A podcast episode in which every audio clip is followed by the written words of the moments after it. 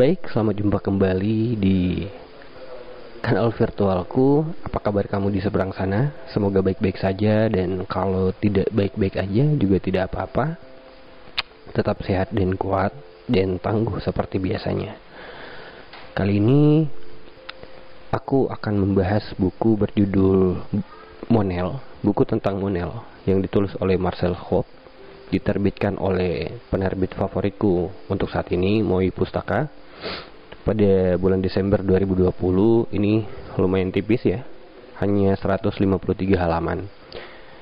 Um, buku ini yang menulis buku ini juga merupakan pelopor dari gerakan simbolisme. Kalau kamu dengar nama George Louis Borges tentu uh, itu adalah tokoh yang juga terpengaruh oleh gerakan-gerakan seperti ini. Jadi uh, apa yang aku bayangkan ketika membaca Monel? Aku membayangkan Monel bergaun putih dengan suara penasaran kekanak-kanakan yang mengalun dari bibir perempuan dewasa. Aku bayangkan Monel datang dari dalam malam dan akan pulang ke dalam malam pula Kubayangkan ia datang membawa setangkai adas halus dengan filamen merah kecil mudah terbakar di dalamnya. Ia kabarkan kepadaku tentang pelacur-pelacur muda, tentang kehancuran, perwujudan, waktu, Tuhan, kematian dan tentang segala hal yang mati. Tentang perbuatan-perbuatanku, tentang kata-katanya yang adalah kata-kata ketika mereka dikatakan. Sampai ia terdiam sedih sebab ia mesti kembali ke dalam malam. Lupakanlah aku dan aku akan dikembalikan kepadamu. Demikian ia berkata dari kejauhan. Monel ialah perempuan dengan gagasan-gagasan yang saling bertentangan dalam dirinya. Tidak ada yang bisa memastikan siapa sebenarnya Monel dalam buku ini. Di awal mula buku, Monel meminjam suara sang narator buat mengakui bahwa ia bukanlah tokoh tunggal ia adalah esensi yang melekat kepada saudari-saudarinya yang masing-masing diperkenalkan sebagai si egois, si menggairahkan, si keji, si kecewa, si buas, si setia, si tertakdirkan, si penghayal, si terpuaskan, si mati rasa dan si terkorbankan. Itu adalah uh, nama dari bagian nama-nama bab dari buku ini ya di bagian kedua. Jadi buku ini terdiri dari tiga bagian. Ia adalah ia yang ini dan ia yang itu, yang berusaha mencari diri sendiri di kejauhan, namun ia juga tak punya nama sesungguhnya. Kita akan menemukan kontradiksi demi kontradiksi tersebar di antara kata-katanya. Membaca parabel Monel mengingatkan kita pada entropi bahwa kata-kata selalu berubah dalam semesta bahasa yang kacau, acak dan enigmatik. Semuanya berubah tanpa henti dan kita harus membiasakan diri dengan perubahan itu. Tulis Hope ketika menulis mengisahkan kebangkitan Monel dengan nada seperti Heraklitus. Dalam diri perempuan khususnya dan manusia pada umumnya memang selalu kita dapati pandangan-pandangan yang sering luput dari genggamannya Meski di antara perubahan-perubahan tak terelakkan itu, kematian selalu merupakan perubahan paling traumatis yang menyisakan nuansa yang nihilistik gitu sebagai gema di beberapa fragmen Monel. Konon memang Marcel Swab yang menulis buku ini mendedikasikan buku tentang Monel atau Le Livre de Monel untuk gadis bernama Louis perempuan muda kelas pekerja yang dari beberapa sumber diduga pelacur. Swap dan Louis itu uh, ketemu di jalanan Paris pada 1891 di bawah bimbingan hujan malam ya. Jadi saat itu Swap berusia 24 tahun dan Louis 23 tahun. Louis pun diajak tinggal bersama Swap. Mereka kumpul kebo gitu. Jadi penulis Prancis itu merawatnya dengan kasih yang kaya dan vitalitas karena Louis memberi gairah kreatif tersendiri untuk jiwanya Schwab gitu. Schwab menulis beberapa dongeng yang Louis suka. Uh, ada seorang yang disebut sebagai penafsir otoritatif Marcel Schwab, namanya Kit Schluter. uh, dia berkata bahwa berkat Louis berkat Louis atau dia berkata ya Kit Scooter berkata bahwa tanpa afeksinya afeksi Louis Swap akan kehilangan selera menjalani hidup. Jadi si Louis ini dia semacam apa ya memberikan sedikit harapan bagi Swap untuk bisa bertahan hidup di dunia yang mungkin kan sinting ini. Jadi Kit Twitter menulis dalam dalam komentarnya terhadap buku Monel Louis mengajarinya untuk menatap kembali kesempurnaan eksistensinya.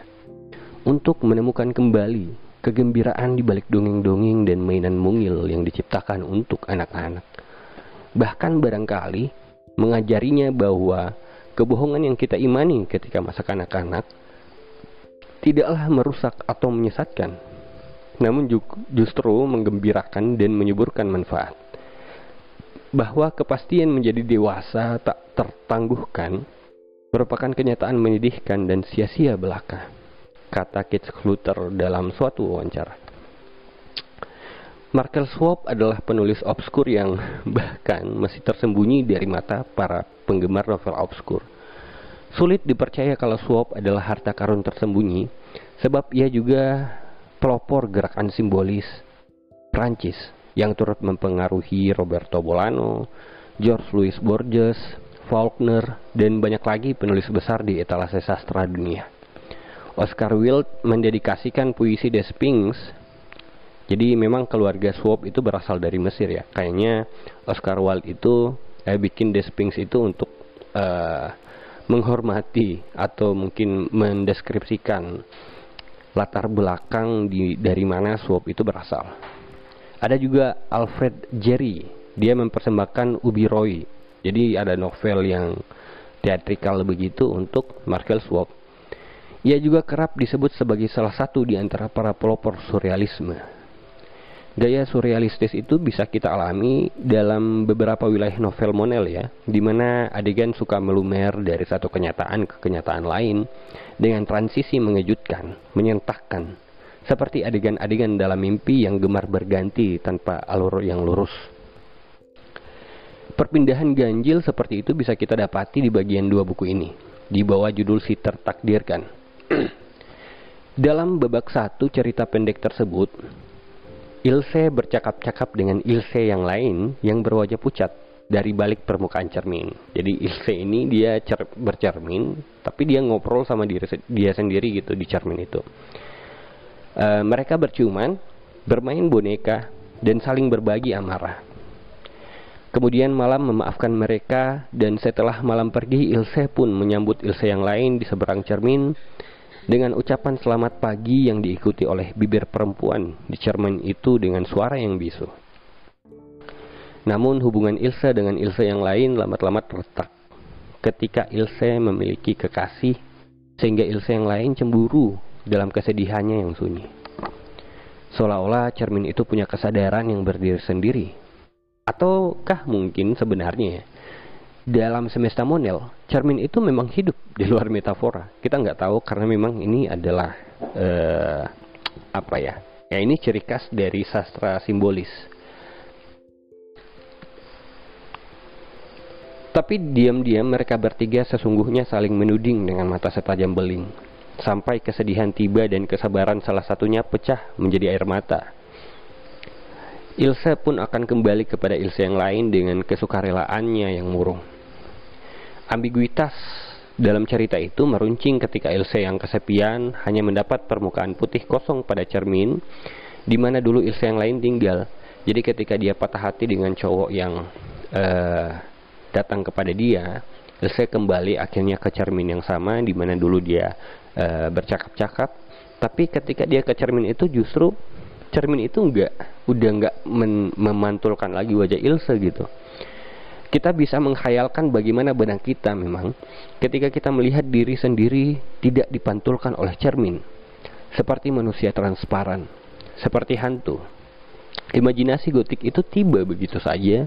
Yang dalam dugaan aku sedikit banyak dipengaruhi oleh Edgar Allan Poe yang memang dibaca oleh Scope ketika usianya masih 11 tahun. Memang Cermin sebagai topik percakapan senantiasa menggoda potensi penafsiran filosofis. Replikasi antara aku yang berkaca dan aku yang terperangkap dalam dunia cermin punya energi ganjil untuk menghasut kita memikirkan relasi antara subjek objek. Seperti upaya Jacques Lacan atau perkara geometri oleh Gottlob Frege misalnya. Dalam kesusastraan dunia, cermin bergema sebagai kisah-kisah reflektif Borges Cermin yang saling memantulkan cermin akan menduplikasi pantulan realitas yang tak terbatas, seperti labirin kaca yang bisa kita lihat di bagian atas ruang cukur yang menampilkan diri kita di bagian belakang dan depan sampai ke titik tak terhingga. Di antara lapisan cermin itu, barangkali Ilsa yang lain tinggal, barangkali Borges muda ketemu dengan Borges tua, atau barangkali terdapat rahim dari cerita-cerita yang lain. Dalam kitab Makhluk-Makhluk Khayali yang dibikin oleh Borges, dikisahkan mitos yang merentang luas hingga masa legendaris Kaisar Kuning. Pada masa itu, dunia cermin dan dunia manusia tak terpisah. Kedua dunia ini cukup berbeda. Sosok, warna, maupun bentuk tidak sama. Kedua kerajaan tersebut hidup selaras. Kau bisa masuk keluar cermin. Pada suatu malam, bangsa cermin menyerang bumi. Kekuatan mereka besar tapi pada akhir peperangan berlumuran darah itu, sihir Kaisar Kuning menang. Baginda menghalau para penyerang, memenjarakannya di dalam cermin, dan memaksa mereka melaksanakan tugas mengulangi, semacam dalam mimpi. Semua itu tindakan manusia itu. Jadi mereka uh, yang kalah itu di dunia cermin dipaksa untuk mengulangi segala tindakan manusia.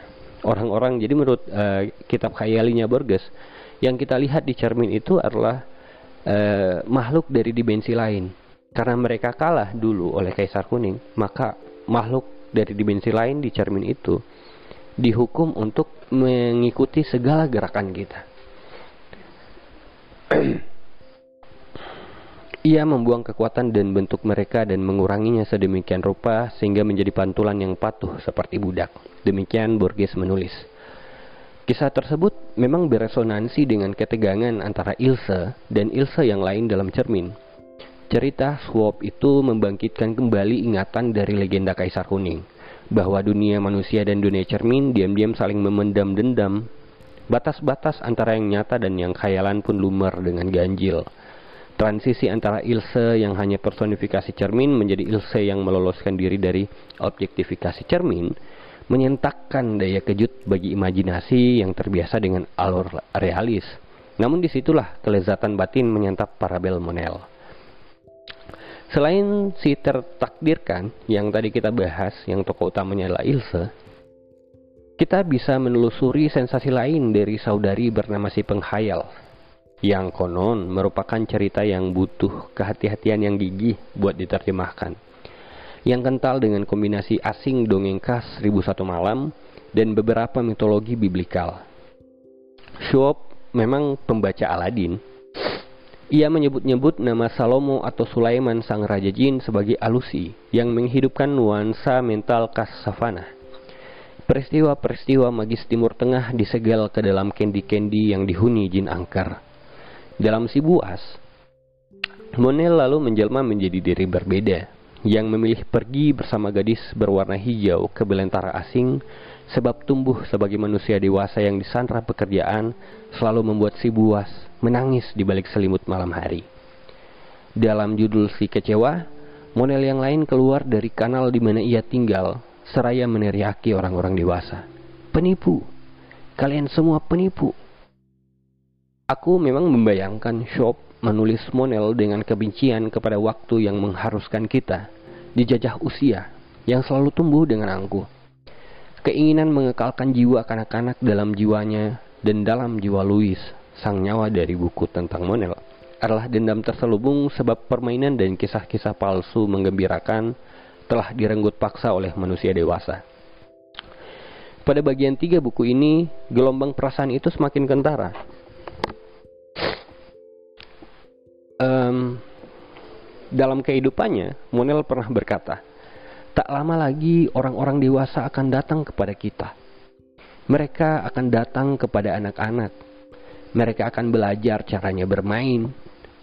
Di dalam kelas ini, orang tidak akan pernah bekerja. Di bagian lain, Monel mengajari kita. Sekarang orang-orang dewasa bisa ikut bersama kita dan pada mereka akan kita ajarkan ketidak ketidaktahuan dan ilusi. Kukayalkan Monel sebagai Lepitet, Lepetit Prince. Jadi ada buku eh, yang tersohor dari Perancis judulnya Lepetit Prince ya atau Pangeran Cilik. Jadi aku bayangkan Monel itu seperti tokoh di dalam novel itu Monel merupakan rute alternatif untuk membelot terhadap dunia orang dewasa yang telah amnesia dari kegemaran bermain yang tak selalu mementingkan menang dan kalah, serta kenyataan dan khayalan. Monel merupakan anamnesis, swap berdaya upaya mematikan kelupaan akan masa belia dengan mendekati legenda dongeng, pun mitologi yang terserak-serak di lintasan sejarah kebudayaan manusia. Barangkali cerita karangan yang memberi penghiburan batin lebih penting daripada kebenaran-kebenaran hidup yang membosankan dan tidak jarang pahit, seperti kematian Louis barangkali. Setelah Louis yang Schwab rawat wafat karena tuberkulosis, Schwab pun membakar semua surat-suratnya. Selama enam bulan ia nggak nulis apa pun. Sebagai jurnalis dan seniman itu hal yang luar biasa. Monel lahir dari kegelisahan paling privatnya setelah kehilangan belah belahan jiwa. Karena itulah Monel menjadi karya paling personal untuk Schwab. Setiap kali ia diperkenalkan sebagai penulis buku tentang Monel, mukanya selalu masam. eh, kawan-kawan, buku ini terdiri dari tiga bagian ya. Buku pertama tentang kata-kata Monel yang ambivalen dan aforistis. Bagian kedua tentang representasinya dalam diri saudari-saudarinya. Ketiga tentang Monel sendiri. Buku ini merupakan buku ke-8 dari proyek ambisius penerbitan Moi Pusaka yang mau mengalih bahasakan karya sastra dunia yang masih asing tapi tak pernah gagal menyihir imajinasi kita. Pada akhirnya memang kamu harus baca buku ini sih menurutku. Ini buku pertama yang aku selesai baca tahun ini dan ini buku pertama yang membuatku berpikir bahwa aku akan menjadikan ini sebagai buku terbaik, salah satu buku terbaik yang pernah aku baca, atau setidaknya salah satu buku yang paling aku suka seumur aku hidup. Monel memang buku yang cukup tipis, tapi aku yakin ia akan menghantuiku untuk waktu yang tidak yang tidak akan tidak akan cepat berlalu gitu. Monel akan menghantuiku dalam waktu yang sangat lama aku tidak pengen dihantui sendirian, makanya aku pikir kamu juga harus baca karena menarik sekali. Baik, terima kasih itu aja sih ya. Uh, terima kasih karena udah nyimak. Semoga kamu sehat selalu dan bahagia selalu. Bye bye.